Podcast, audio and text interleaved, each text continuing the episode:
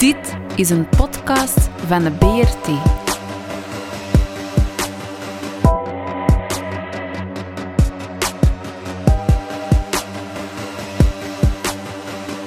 De Brabantse radio- en kleurentelevisie. Uh, goedendag beste luisteraars en welkom bij de podcast van de Brabantse radio- en kleurentelevisie. Ik ben nog steeds uw host Christophe en ik heb vandaag uh, ondertussen voor de vijfde keer denk ik bij ons te gast de kat, beter gekend als Thomas Gordon of is het omgekeerd? Dag Thomas. Hallo, hallo. Ik had echt niet gedacht dat we aan vijf afleveringen gingen komen, maar bon, het is nu maar zo. En ik vrees ook eerlijk gezegd dat we er nog niet zijn. Er nee. zal er nog wel een ja. ja, maar wat er deze week allemaal uh, in Pefelsland gebeurd is, denk ik dat we nog, uh, nog wel enkele uh, momenten zullen hebben voordat het helemaal van de baan is. Als het ooit helemaal ja. van de baan zal zijn. Ja, ja, en er kan nog wel wat een berg afrollen hoor. ik denk, dat, is, dat is misschien het vreemde aan het, aan het verhaal, is dat ik dingen blijf ontdekken. Mm -hmm. um, maar natuurlijk, dat is niet, geen, dat is niet het grote nieuws van, uh, van de week geweest. Het grote nieuws was uh, het ontploffen van de onderhandelingen. Inderdaad.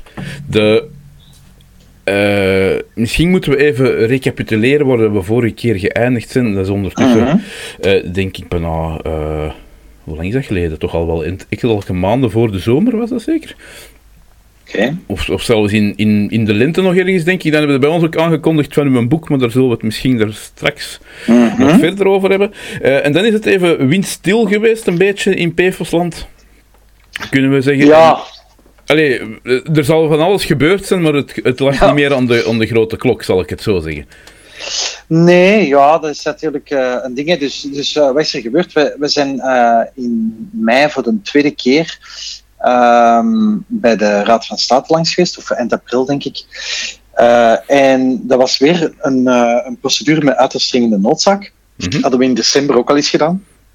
Uh, en eigenlijk is dat een procedure die, die in twee fases verloopt. Hè. Dus je zegt van ja, we hebben hier een probleem, Raad van State, en dat is acuut. Hè. Als we er niet nu iets aan kunnen doen, dan gaat de schade onomkeerbaar zijn. Ja. Dat geeft u uiterst dringende noodzaak.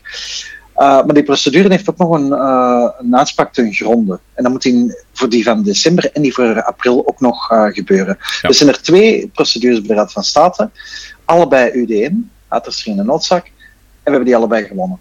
Ja. Nu, bij die van, van april, ja, april begin mei was, was echt een zure, denk ik, voor uh, de overheid, omdat, omdat we daar uh, effectief over geboden mogen gaan te spre spreken. Mm -hmm. En eigenlijk wat er in die uitspraak staat, is van ja, mannetjes, hetgeen wat jullie hier begraven op dat terrein, uh, dat, kun je al, dat is afval, hè, dat kun je hier niet zomaar laten rondslingeren. Daar is geen nuttige toepassing voor. Um, en dat is natuurlijk al dat is een enorme streep door de rekening van onze vrienden van de Oosterwil. En ja, dan uh, gebeurt er iets redelijk voorspelbaar. Dat is uh, in zo'n verhaal heel vaak zo dat de overheid dan eigenlijk met de rug tegen de muur staat. Hun spelletje gaat niet meer door. Ja. En uh, dan plots krijg je een uitnodiging. En mm -hmm. dan um, was een tweede keer dat we bij de Mier langs mochten. maar laat ons zeggen, het sfeertje was deze keer wel wat anders. Hè. de eerste keer, begin van het jaar, ja, dan als die beginnen roepen en zo, dan was het precies dat je in een kleuterklas zat. En dan uh, de, de, allee, de nieuwe ontmoeting in mei, dan mochten we eindelijk eens in de vergadertafelzaal. Uh, kregen we ook water aangeboden. Allee, dat was zo een ja. hele show. En de minister zat er met een wit blad. En ja, wat willen jullie nu eigenlijk? Ja, en dan weet je wel, oké, okay, er, is iets, er is iets veranderd in hun positie. Um, het enige nadeel, denk ik, dat zij met zaad was, ja, dat dat niet mijn eerste rodeo is. Uh, en ik ken al die vuile trucken al. En je weet eigenlijk ook dat je niet met de minister van Leefmilieu aan het onderhandelen bent, maar dat je eigenlijk met BAM aan het onderhandelen bent. Hè? Want ja. achter de schermen is het ja, gewoon uh, ja, BAM. De good old BAM is, is always there. En die bepalen eigenlijk wat er kan en wat er niet kan. Hè? Um, dat is iets dat ik ook... Allee, gaandeweg pas ben beginnen beseffen van eigenlijk alles wat er rond die Oosterweel gebeurt, dat wordt tot op de dag van vandaag beslist in uh, het politieke stuurcomité. Mhm. Dat is eigenlijk iets, dat is in de onderzoekscommissie ook naar voren gekomen. Wat is dat?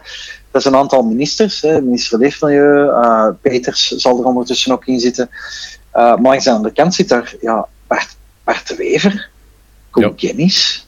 Uh, en, uh, en Rieder zal er ook in zitten, zeker. Hè? Dus de havenschepen? Uh, dus twee schepen en, en, dan, en dan de burgemeester. En dat is dan een soort van agglomeraat. Um, ja, een heel problematische groep, want de juridische, uh, ja, wat dat is, hoe dat die aan hun juridische status komen, Ja, ja. dat weten we niet. Maar die maken dus eigenlijk wel alle beslissingen als het over Oosterweel gaat. Plus, En dus dat is echt een soort van schaduwregering. ja, plus er is eigenlijk toch... Ze maken beslissingen, maar wel met één doel. Maar Oosterweel moet er komen. Dof Ja. is. Ja, ja, absoluut. Ja. En dus eigenlijk uh, dat het politiek stuurcomité is er om al de rest onderhevig te maken aan dat project. Ja. Uh, en dat, dat zie je eigenlijk ook in, hè, want in 2017 hebben zij de grote beslissing genomen van alles in een doofpot te steken. Maar die sturen alles aan. Hè. Die sturen OVAM aan, die sturen uh, BAM zelf aan natuurlijk. Uh, maar eh, ja, dat is, dat is langs alle kanten tegelijkertijd kunnen die uh, dat project uh, in de juiste richting sturen.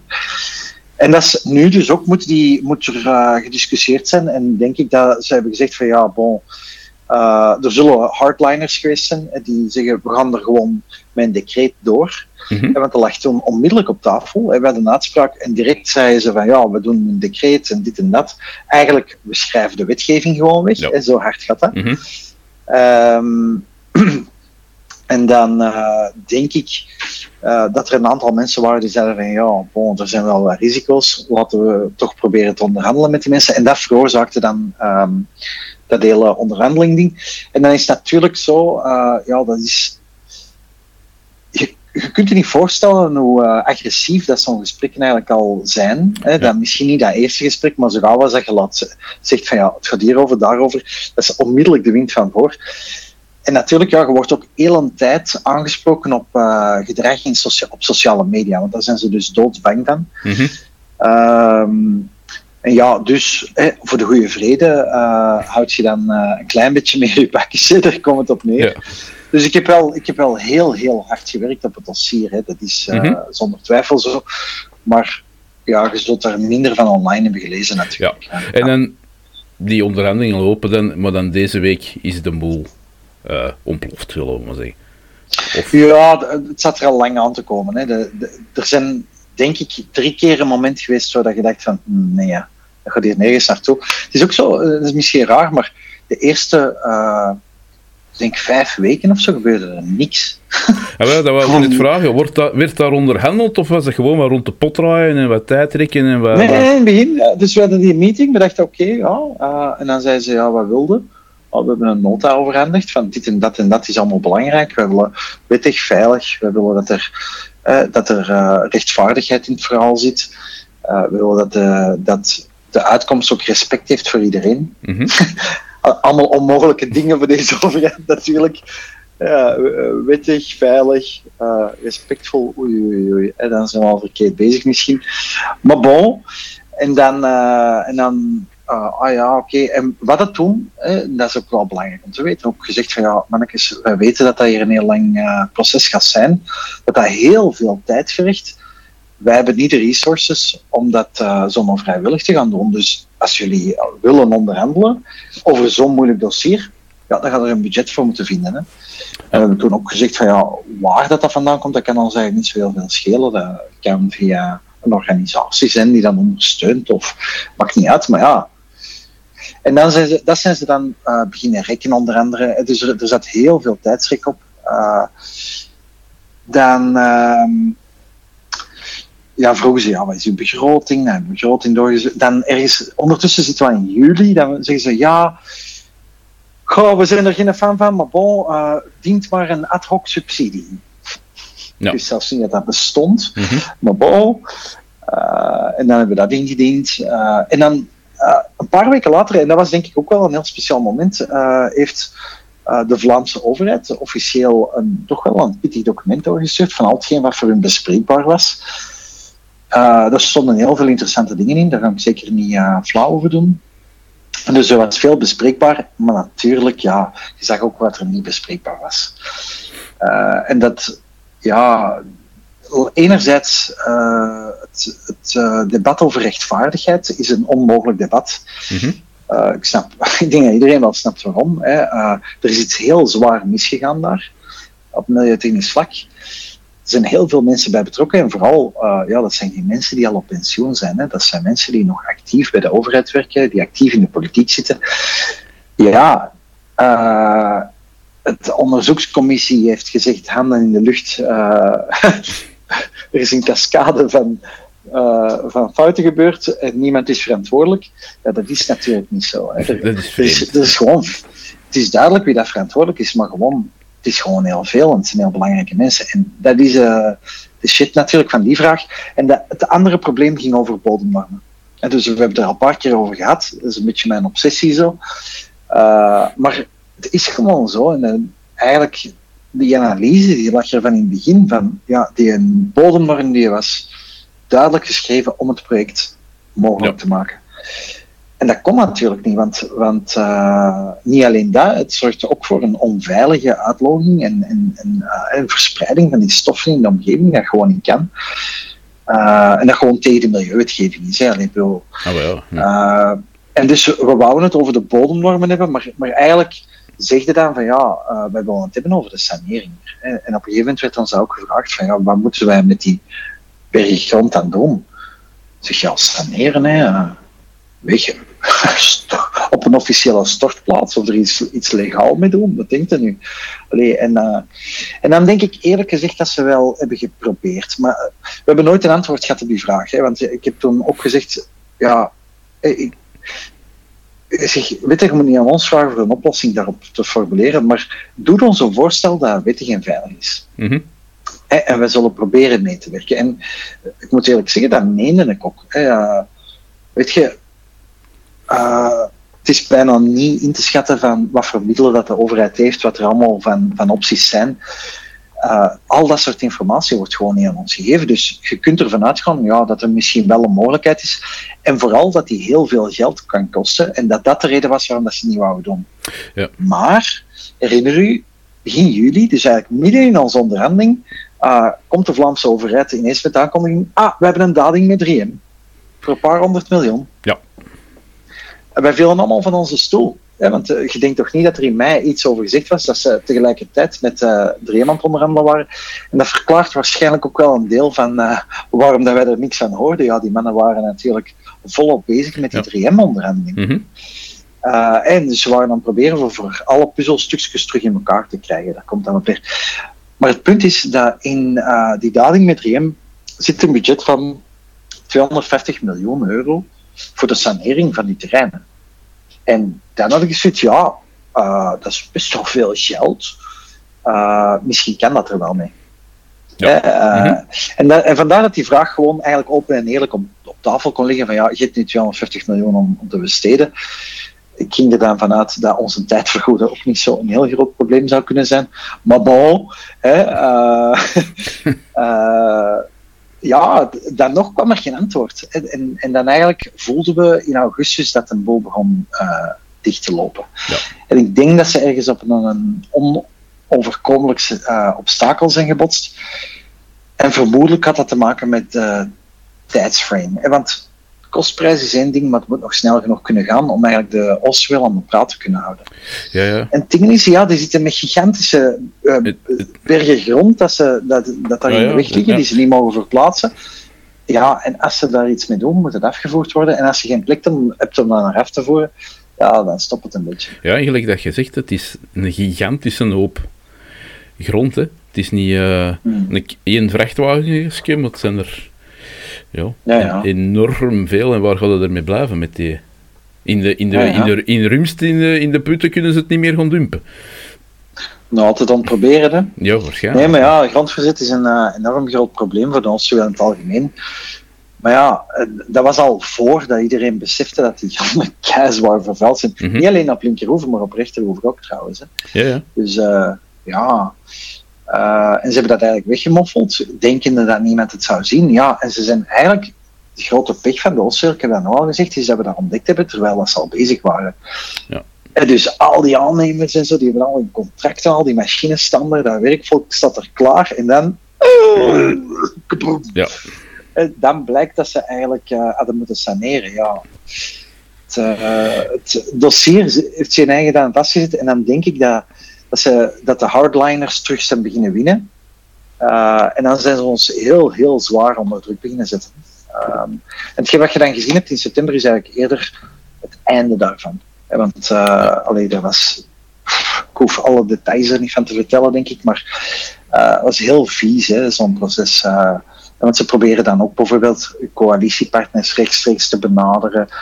Uh, bij sommigen lukt dat. Hè. Uh, BBL, die dan, uh, je hebt het ook gezien, hè, die het dan wel nodig vindt van rechtstreeks te gaan onderhandelen. dus ze zoeken daar wat opportunisme in, dit en dat. Maar ja, het ding is dat, dat de grote pech is dat ze tegen mij aanlopen. Hè. En ik heb, ik heb dat allemaal eens gezien. Ik heb dat soort beloftes al eens gezien. Ik weet dat die niet te vertrouwen zijn. Ik weet dat als je, als je er dingen mee zou moeten doen, dan, dan moet dat een heel zwaar juridisch gedekte dading zijn. Uh, en en moet, je, moet je echt uh, pittig door, doordoen. Hè. Ja, ja. Uh, want, want vertrouwen in deze overheid, alleen, dat is gewoon compleet bezopen. Ja, ik dat, denk zit, dat... dat zit er niet goed bij je kop.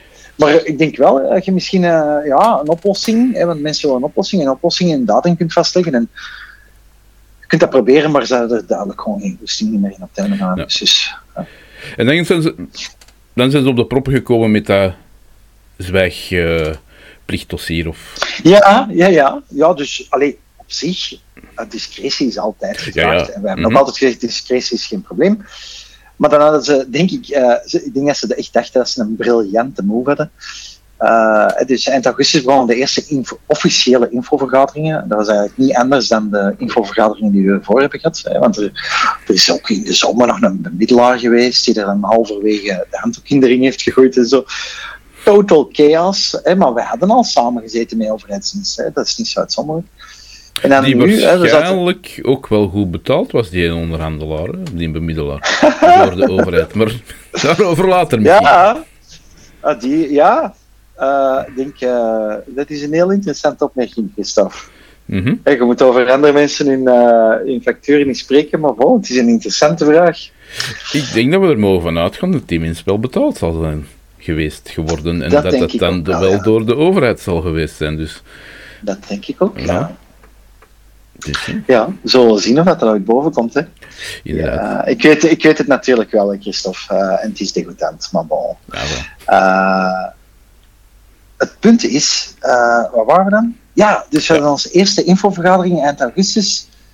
En we zijn uitgenodigd om naar, naar Brussel, eh, Albert II Laan, een van die overheidsgebouwen, na de uren. Dus we waren de enigen in dat gebouw. We zijn trouwens eerst per ongeluk in het kabinet van Peters binnengewandeld, waar dat niemand was. Uh, was redelijk absurd. uh, ja, ze lieten ons allemaal binnen. En dan een andere vergaderzaal en dan iedereen zat klaar. Hè. Mensen die een presentatie gingen geven zaten klaar. Dan van de verschillende burgerbewegingen, milieuverenigingen, uh, gemeente. En ineens die van het kabinet, ja, uh, als je aanwezig wilt zijn uh, op uh, deze vergadering, ja, dan moet je een vertrouwelijkheidsverbindenis tekenen en dat is standaard praktijk, bla bla bla. En dan begint het gewoon na te delen, alsof dat je zo in de klas zit en, en zo Ja. nog een quiz voor de les Mhm. krijgt. En het, ding, het grappige was dat ik er uh, met Jurie Thijs van Greenpeace op de stoep nog over had gehad. ik had dat namelijk voorspeld. Ja. Ik zei op de stoep, ik zeg Jurie, volgens mij gaan ze ons vlak voor die vergadering uh, iets proberen te laten tekenen. En exact dat gebeurt. Exact dat gebeurt. En dus dat betekent dat natuurlijk weer wij mentaal voorbereid zijn. En uh, ik zeg ja, uh, deze gaan we niet toch niet tekenen. En, en omdat Jury was al gealarmeerd, ze zei ook zo van wat is deze hier? Nee, dat gaat niet. Zwat, uh, is er twintig minuten, ik overdrijf niet, uh, totale bagaar geweest. Uh, ook zo ja, in de gang gaan praten met, de, met een advocaat van een overheid en dit en dat. En ons ook proberen te overtuigen dat dat standaard praktijk was. Ja, ja. Totaal van de pot gerukt. Maar dat betekent dat ze er veel mensen wel van kunnen overtuigen van die onzin natuurlijk. En ja, er werd echt geroepen en dan was van ja, als je dat niet tekent, uh, dan, uh, dan, dan smijt ik u buiten. Ik zeg, ja, dan moet je dat vooral doen. Maar je moet bedenken, ja, wij zitten daar in een leeg gebouw op de Albert Tweeland. Er zit toch germen een ene security agent aan de balie die geen Nederlands spreekt dan bovendien. En ik zeg tegen mezelf, ik, oh my god, wat gaat hij wat gaan ze hier doen? De lokale politie bellen. en dan zeggen, deze man is wel uitgenodigd op deze vergadering, maar mag niet blijven omdat hij dat document niet wil tekenen. Allee, bedoel. Ja. Uh, en dat was, dat, was, dat was echt de praktijk. En uh, uh, nog, wat, wat, en dan hebben we uiteindelijk dat documentje zo... Want dat was van, oké, okay, die avond... Oké, okay, ik zeg van, we, we schrappen hier alles wat dat heel breed maakt. We zeggen van, voor vanavond voor alleen deze vergadering, hetgeen wat die mensen hier gaan zeggen, kunnen we dat, uh, kunnen we dat doen, of de rest niet. Dus ik...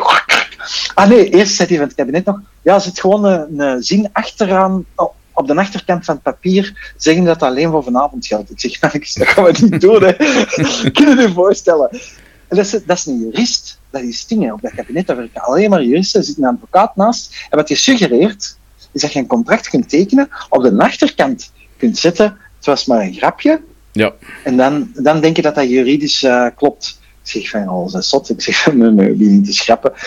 Die begonnen echt waar, uh, ja, uh, totaal te flippen, maar ze konden niet anders. Hè, bon. De rest, hè, dus niet onze coalitie, maar al de rest die er zat, heeft dat wel getekend. wat natuurlijk een beetje tragisch is. Mm -hmm. Bon, en dat was dan ook het laatste, hè, want dan daarna dan, dan hebben ze alleen maar het vuur verder opgestokt, omdat er natuurlijk al een aantal partijen wel dat hadden getekend.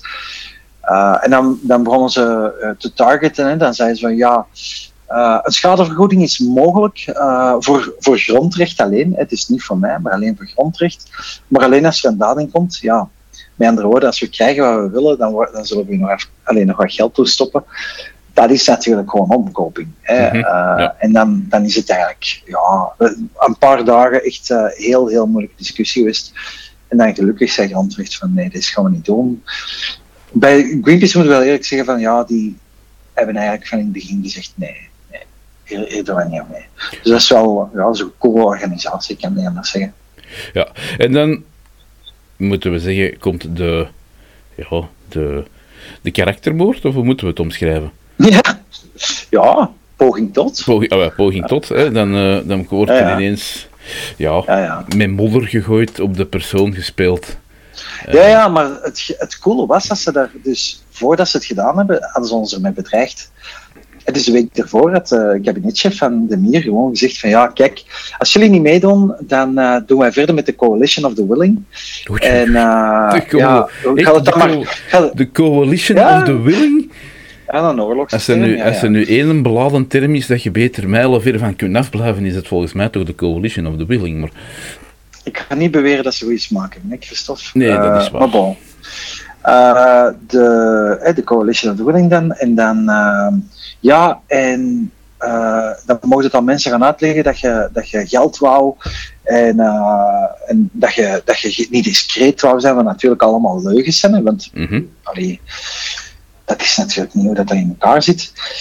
Maar het ding was, door die bedreiging, eigenlijk, dat was ook een soort van doorslaggevende factor. Want dan wisten we van, ja, uh, we, kunnen hier eigenlijk geen risico's meer mee pakken. Als ze, als ze zo agressief doen, dan moeten wij proactief communiceren. En dan uh, hadden we de standaard gecontacteerd en gezegd van, ja, bon, uh, het zijn onderhandelingen geweest, maar we, we stappen eruit. willen jullie daar een interview voor doen, exclusief, al die dingen. En uh, hebben we gedaan, drie journalisten van de Standaard. En dan, uh, maar het straffen is, tijdens dat interview zeiden we, alleen voor achteraf, zeiden we tegen die journalisten, ja kijk, uh, en want die zei, ja, we gaan waarschijnlijk naar het kabinet bellen. Ja, we moeten naar het kabinet bellen, hè, voor de mm -hmm. kant horen. We zeggen, ja, we snappen dat wel, maar stop, want die hebben de framing al klaar En wij konden die gewoon exact zeggen wat het ja. kabinet ging zeggen.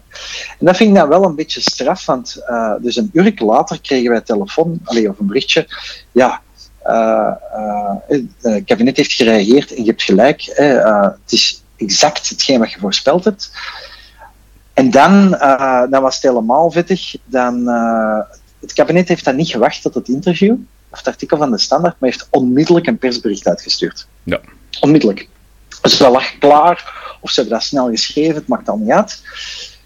Um, En dan de standaard natuurlijk dikke paniek, want dat gingen ze hun kliks verliezen. En dan hebben die snel gepubliceerd, s'avonds nog. En dat zorgt er dan natuurlijk voor dat hetgeen wat daar in dat persbericht van, van het kabinet staat, ja, gewoon plakkeloos wordt overgenomen. Er is niks van gefactcheckt. Ja. En de framing zit eigenlijk, uh, zit eigenlijk uh, ineens in, in, het nieuws. Hè. En dat vind ik dan zo wel heel kwalijk, want ja, naar ons toe, wij werden wel gevraagd voor, voor stukken over te maken om te bewijzen wat we zeiden. Hè, van, mm van bijvoorbeeld dat wij van in het begin het over een budget hebben gehad. Ja, we hadden daar gewoon stukken van. Hè, die nota's die zijn whatever, als je die wilt zien, je kunt die zien. Ah, die mails die bestaan ook allemaal. Dat subsidiedossier, dat bestaat ook allemaal. Hè. Dat kunnen niet allemaal zomaar ja, negeren. Um, en uh, ja, bij de minister is dat niet zo. Hè. Die, die kan zeggen wat ze wil, paf. En dan komt dat ineens in een krantartikel en dan denkt nee.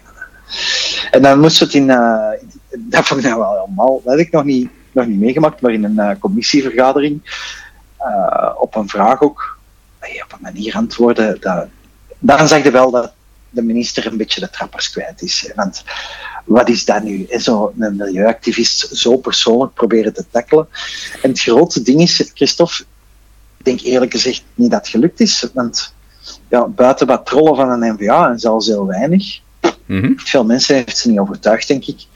Uh, het debat, en dan is er zo wat debat gestart daarover, wat een beetje een truc debat is, want kom, uh, voor het is absurd, echt absurd om te denken dat, uh, dat je zo'n proces kunt doen als je een fulltime job hebt. Hè. Dat gaat niet. Hè. Nee, nee. nee. Uh, wat, wat, denken ze dan dat alleen uh, gepensioneerden zo'n onderhandelingen mee mogen doen? Of wat is hier het idee? Dus, dus heel dat ding is gewoon absurd.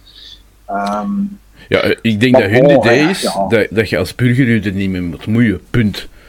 Ja, maar, maar goed, maar dan moet je niet bellen of het onderhandelen. Nee, nee, nee. Maar, Laat het dan over aan de reetbankje. Allee, om eerlijk te zijn, ik had mijn zomer uh, wel, wel beter kunnen besteden dan met zo'n, uh, ja, hoe moet dat zeggen, karaktergestoorde mensen uh, in de gaderzaal te gaan kruipen. Hè. Mm -hmm. ja. ja, en goh, hoe gaat het nu verder? Ja, um, mijn, mijn inschatting is dat ze natuurlijk gaan, nog altijd gaan proberen om uh, de coalitie uit elkaar te spelen. Dus ze zullen nog altijd backchannelen, wat nog altijd gebeurt. Dus, uh, en nu proberen ze dat via BBL te doen, wat natuurlijk alleen. Ah, zucht. Is, uh, ja, dus, dus die druk die gaat wel blijven bestaan, maar ik denk ook wel, ja, er is veel kwaadheid langs onze kant. En, en dan, dan kunnen ze beginnen knutselen aan de wetgeving. Uh, dat heeft zijn eigen risico's. Uh, ja, dan wordt dan partijpolitiek spelletje, denk ik. In, ik zou zeggen, uh, de, de creativiteit van die mannen is oneindig. Dus ik ben een beetje benieuwd wat ze nu weer gaan bedenken. but it won't be good. Hè. Dat gaat geen je moet niet denken dat er een soort van maatschappelijke pijs en vree van komt. Hè. Ja, nee, nee, nee, Het is gewoon uh, open oorlog. Ja, ja en, en uh, wat dat ook niet zal zijn, is dat het over de volksgezondheid zal gaan. Want het zal nog altijd primeren oh, dat de Oosterweel gebouwd moet kunnen worden. Whatever it takes. In, te in tegendeel. In tegendeel hè. Dus ook het gezondheidsonderzoek was ook een belangrijk punt in onze onderhandeling. Uh, dat we zeggen, ja, dat moet wel fatsoenlijk gebeuren, maar er is gewoon geen interesse voor. En het probleem is daar ook, ja, als dat gezondheidsonderzoek fatsoenlijk gebeurt en ze vinden iets, wat dan? En dan, dan ineens heb je een aansprakelijkheidsvraag. Uh, van wie is er hiervoor verantwoordelijk? En het probleem is dat de overheid zelf super mee aansprakelijk is. En dan krijg je dus echt miljoenen claims, de een na de andere. Dan, allee, waar het plafond dan zit, dat weet niemand zelfs. En is het ook niet dat ze, dat ze weten dat als ze zouden onderzoeken, dat ze dof iets gaan vinden. Dus daarom doen ze het niet. Ja, Als, je het, als je de internationale wetenschap erop volgt, wel natuurlijk. Hè. Mhm. Maar ze, dus in, in uh, Vlaanderen, dat is, het, dat is echt het tragische, is men er vrij goed in geslaagd van uh, een heel pak instituten compleet te coopteren en, en die, uh, ja, die onderzoeken de juiste onderzoeken willen ze dan weer wel terug doen en dan andere onderzoeken gaan ze gewoon dwarsbomen. Hè. Ja, degene die in de kraan passen, die gaan door. En degenen die ja, uh, verdacht zijn of die daar iets uh, tegen zouden werken, die worden niet gebeurd of die worden gewoon straal genegeerd. Ja, en, en, er is een heel straf voorbeeld van, ook in september gebeurd. Ik weet niet of je dat gezien hebt, maar er was een Apage-artikel ook. Uh, dat is het enige waar ik wel kon uh, over hebben, omdat dat buiten de onderhandelingen veel technisch gesproken. maar ik heb ontdekt dat er nog een hele hoop PFAS is die 3M uitstoot, waar die geen vergunning voor hebben en die niet gemeten worden door de VMM en door OVAM en heel de rut met het. ja, dat was echt zo een beetje een shock van, ah ja, maar wacht even. En dan Uh, ik vind dat dan in heel oude metingen, ik denk, ja, maar als dat daarin zat, dan zit dat er nog altijd, dan produceer je er nog altijd. Um, en dat is natuurlijk super kwalijk. En daar, en dat is ook iets heel straf, kun je ook afvragen, uh, waarom is dat niet super alarmerend voor de overheid? Wel, mijn theorie daar is dat ze natuurlijk heel goed bewust zijn van dat dat zo is. Ik denk dat er al wel een paar mensen naar gekeken hebben, dat die dat wel beseffen van er zit nog van alles. Maar het probleem is met die ultrakorte ketens dat ze die niet kunnen filteren. Met koolstoffilters. En, en dan krijg je een situatie dat als ze daar een normering op leggen, uh, ja, dat die fabriek gewoon niet meer kan draaien.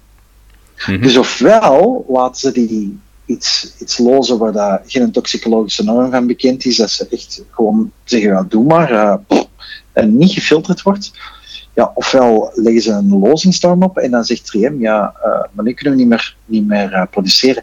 En het probleem is daar dat je met die, met die dading zit van 3M zelf ook. Gaat 3M dat geld betalen als hun fabriek wordt stilgelegd? Maar echt definitief. Mm -hmm. Ik denk van niet. En alle mensen van de overheid waar je mee babbelt zeggen ook van niet. En dan heb je natuurlijk een probleem. Want dan hebben we weer zo'n situatie waarbij dat we zeggen, ja, we gaan de industriële belangen vastkoppelen, inderdaad, aan van alles en nog wat. Uh, in dit geval volksgezondheid, schadevergoeding en sanering en weet ik veel wat allemaal. Want geen fabriek, geen sanering. Geen fabriek, geen gezondheidsonderzoek, enzovoort, enzovoort. Ja. Mm -hmm. Want dan zou die rekeningen, dan gaan die alles, alles, alles in de rechtszaak, uh, in de rechtbank uh, bevechten. En ze hebben dan nog goede kaarten en goede advocaten ook natuurlijk. Dus dan denk ik, ja, Ah, dat is proper. Oké, dus we gaan uh, illegale lozingen negeren uh, voor het geld. Hè? Allee, het is, nu is het wel redelijk rechtdoor. Hè? Het is voor het geld. Bon. Ja. Okay. En met die, met die lozingen, want de, er is toch in, in Nederland toch ook al een beetje fus geweest over de Vlaamse lozing. Is daar, speelt dat dan ja, nog, of weet je dat niet? Jawel, jawel, zeker en vast. Dus er wordt, er wordt uh, goed opgevolgd. Maar dus bijvoorbeeld die ultrakorte ketens heb ik ook naar Nederlandse collega's gebeld. En die waren ook heel gealarmeerd. En die ook zo, oh shit, ja, maar is dat daar? Het probleem is dat dat ook uh, van InBever zal komen. Hè? Want die ultrakorte ketens, dat zal zeker vast een, uh, een neveneffect zijn van die verbrandingen. Alleen pseudo-verbrandingen, want ja. dat werkt niet goed. Maar ze meten dus, die kleinste stukjes meten ze niet. Kun je je niet voorstellen. Uh, ja. eigenlijk, eigenlijk ben ik niet verrast. nee, ja, nu niet, maar, maar dan nog. Allee, ja, nee, het is, het is helemaal in het plaatje, maar ik vind dat wel na, na anderhalf jaar, eh, na, in de vijfde, vijfde sessie hier, uh, nog op zoiets uitkomen, vind ik wel redelijk onmogelijk.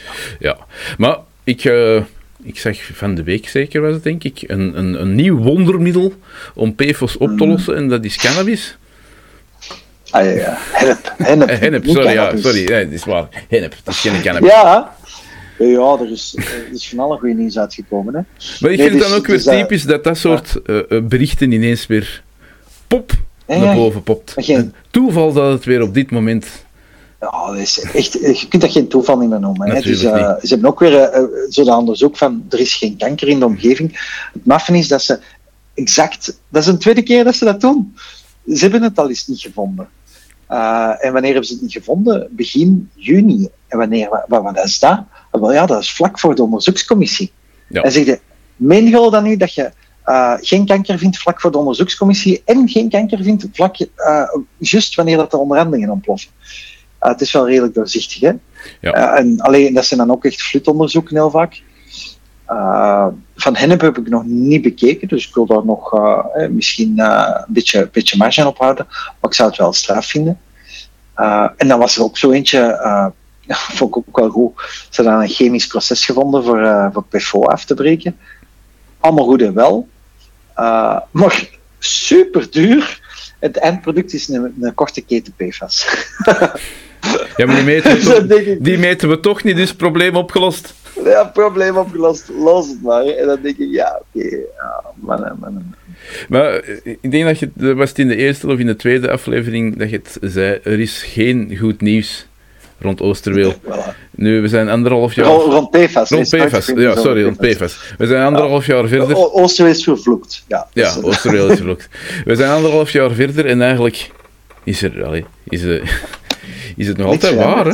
En eigenlijk is de eerste aflevering dat we gemaakt hebben, ja. eh, ja, eigenlijk staat die nog volledig recht. Hè? Al hetgeen dat daarin ja. gezegd Ja, ja. wordt, is, is of, of uitgekomen of nog steeds Ja, eh, van kracht. ja, de, ja, de fabriek moet nog altijd sluiten. Oosterweel kan nog altijd niet gebouwd worden. Nu, het grote verschil tussen toen en nu is dat eh, toen dacht ik, ik had sterk het vermoeden dat de Oosterweel niet kon gebouwd worden.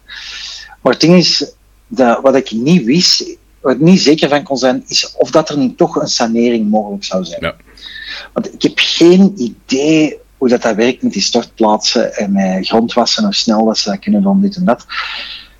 Maar het ding is dat als het mogelijk was en op korte termijn mogelijk was, dan hadden ze dat toch gewoon op tafel gelegd. Waarom doen ze dat moeilijk over bodemnormen? En dan Mhm. zeggen ze, ja oké, we gaan gewoon voor 3 microgram, gelijk volwassenen. En de rest, ja, is jammer, maar uh, uh, al 3 betaald zeker.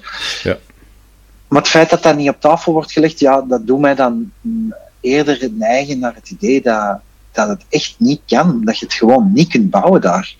En als je de informatie zou hebben die, die BAM heeft en Landis heeft daarover, dat je gewoon tot diezelfde conclusie komt dat je dat eigenlijk daar niet kunt bouwen zonder een heel zware schending te doen van uh, de zorgplicht en van het milieubeleid in het algemeen. Ja, maar eigenlijk is het toch uh, redelijk hallucinant dat, dat al die gegevens geweten waren voordat ze er begonnen waren.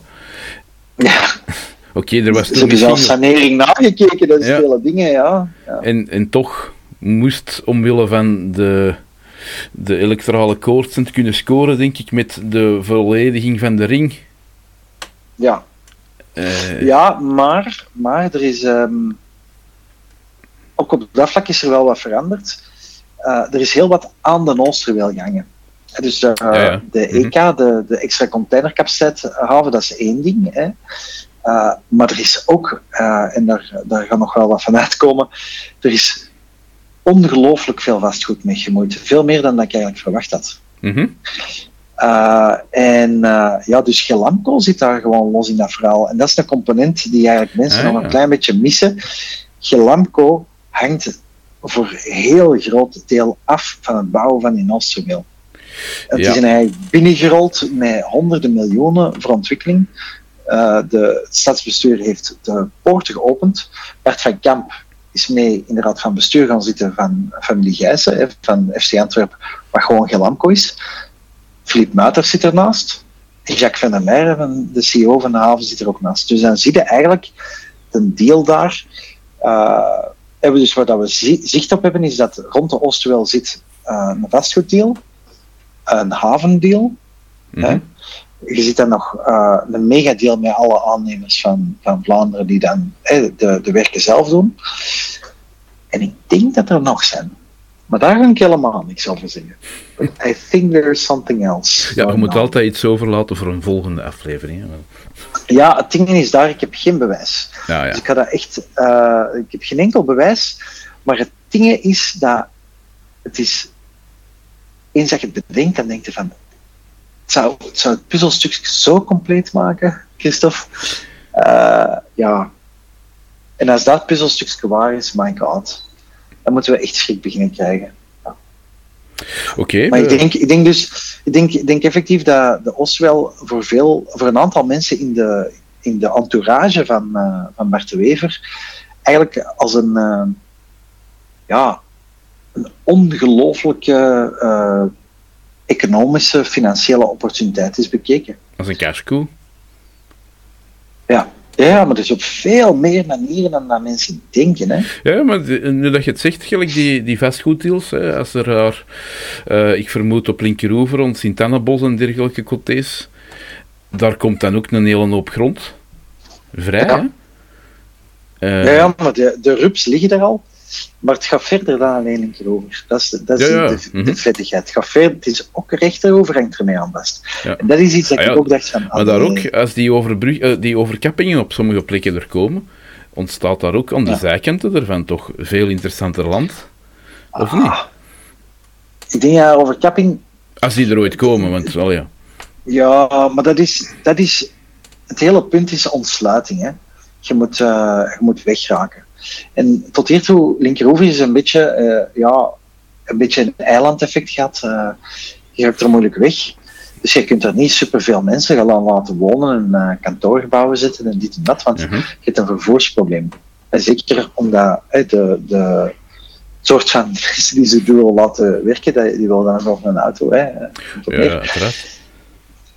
Uh, bon. Uh, very big problem, hè. Ah ja, maar als je die en voor de haven helemaal, als die, als die vrachtwagens er niet wegraken. Allee, ze willen gewoon het wegennet gewoon nog voller kunnen dumpen. Hè. Ah. Ja, maar dat is hem toch juist. Heel de Oosterweel gaat de mobiliteit niet verbeteren, in tegendeel zelfs. Nee, nee, dat is ook het straffen. Hè. Dus in theorie zouden denken, er komt capaciteit vrij en dat, dat absorbeert eigenlijk de rest. Nee, die hebben dat eigenlijk bekeken als een opportuniteit voor er gewoon nog meer verkeer bij te duwen. Ah ja? Uh, en, en dat is echt zo, wow, ja. Nog verkeer dat dan nog eh, tol ervoor betaalt. Hmm. Dus kassa kassa? Ja. Denk ik dan toch. Ja, ja maar uw boek. Ah ja, Hè, je hebt een boek geschreven. Het was eh, eh, Alles komt goed getiteld, als ik me niet eh, vergis. ja, altijd. En het ja. eh, komt eh, binnenkort uit, zeker? Is er binnenkort geen, ja. eh, voor, eh, geen voorbestel, boekvoorstelling in de Roma? Een happening. Een happening Het is een tegenwoordig. boek happening. Ja, ja. Ik heb tegen de uitgever gezegd van, we gaan niet zo'n saai eh, Nee, want eh, die zijn interview met een dier. saaie, Die boekvoorstellingen. Ja, deze gaat niet saai zijn, dat kan ik u garanderen. Het is een happening, het is een show, eh, het is kolder, eh, het gaat helemaal in de sfeer passen. Ehm, het boek trouwens ook, hè, eh, misschien mensen een beetje aan het voorbereiden. Dus het 12 oktober in de Roma is, is eh, de boek happening. Dan, eh, we gaan een dag zelf ook met een boek uitkomen. Eh, it's not what you expect. Het is geen klassiek non-fictieboek. Eh, het is, ja, we, noemen het, het is eigenlijk een soort eh, non-fictie schelmenroman. Eh, het is een mix tussen de ridders van de ronde tafel en Hercule Poirot. Mhm. Eh, het gaat redelijk hard. ja. ja. Eh, moeten, En ik hoop ook, allee, ik, ik denk, dat ook, ik denk dat het ook gewoon lollig gaat zijn om te lezen, want veel mensen denken van, eh, dat dat zo super deprimerend En het is een super deprimerend verhaal, maar het is geen super me- deprimerend boek. Eh, het is echt plezant voor te lezen. ja, ik kijk er alvast eh, zeer hard naar uit om het te lezen. Moeten mensen reserveren of zo die naar de Roma zouden willen komen? Ja, ja je kunt een ticketje kopen, eh kost maar 5 euro voor de dingen. En je kunt natuurlijk, eh, als je nog geen boeking voorbestelling hebt gedaan, kun je die ter plekke kopen. Eh, dus dan moet je ook nog eens 25 euro daarvoor meepakken. Eh, en als je lief bent tegen mij, dan zal ik het proberen te tekenen. Hoewel ik wel echt schrik heb van wat dat gaat geven. En ik heb Ah, zo ook, klassiek zijn het toch nog wel. Ja, ja, nee. Zo'n klassieke boekhouding boek. Ze eisen dat je dat doet. Dus Ja, toch, je ja, ik niks in weet te het. zeggen. Ik weet heb wel, eh, een collega van mij komt DJ'en en ik heb gezegd, ja, eh, de dansen is verplicht en eh, de muziek gaat steeds wilder worden. Dus voor mensen die dat soort dingen eh, leuk vinden, eh, ik raad u aan van gewoon even de eerste noten beginnen dansen en kijk maar waar het eindigt. Eh, dat, is, eh, is ook heerlijk. Ja. Oké, eh, ik ben benieuwd. Yes, Voilà. ik zie je dan. Ik hou van een streepje industrial, dus ik hoop dan tegen het einde toch. Dat kan allemaal. Kan allemaal. Goed, dan eh, wens ik u voor nu te bedanken voor deze update van de PFOS Gazet en PFOS Land. U kan ons natuurlijk altijd vinden op onze website www.brt, maar dat is b-r-t.be of op, eh, op, waar zitten we allemaal? Op Spotify, op Google Podcast, op Anchor en nog een aantal andere dingen. Voilà, bedankt allemaal en tot de volgende keer. Dag. Dit is een podcast van de BRT.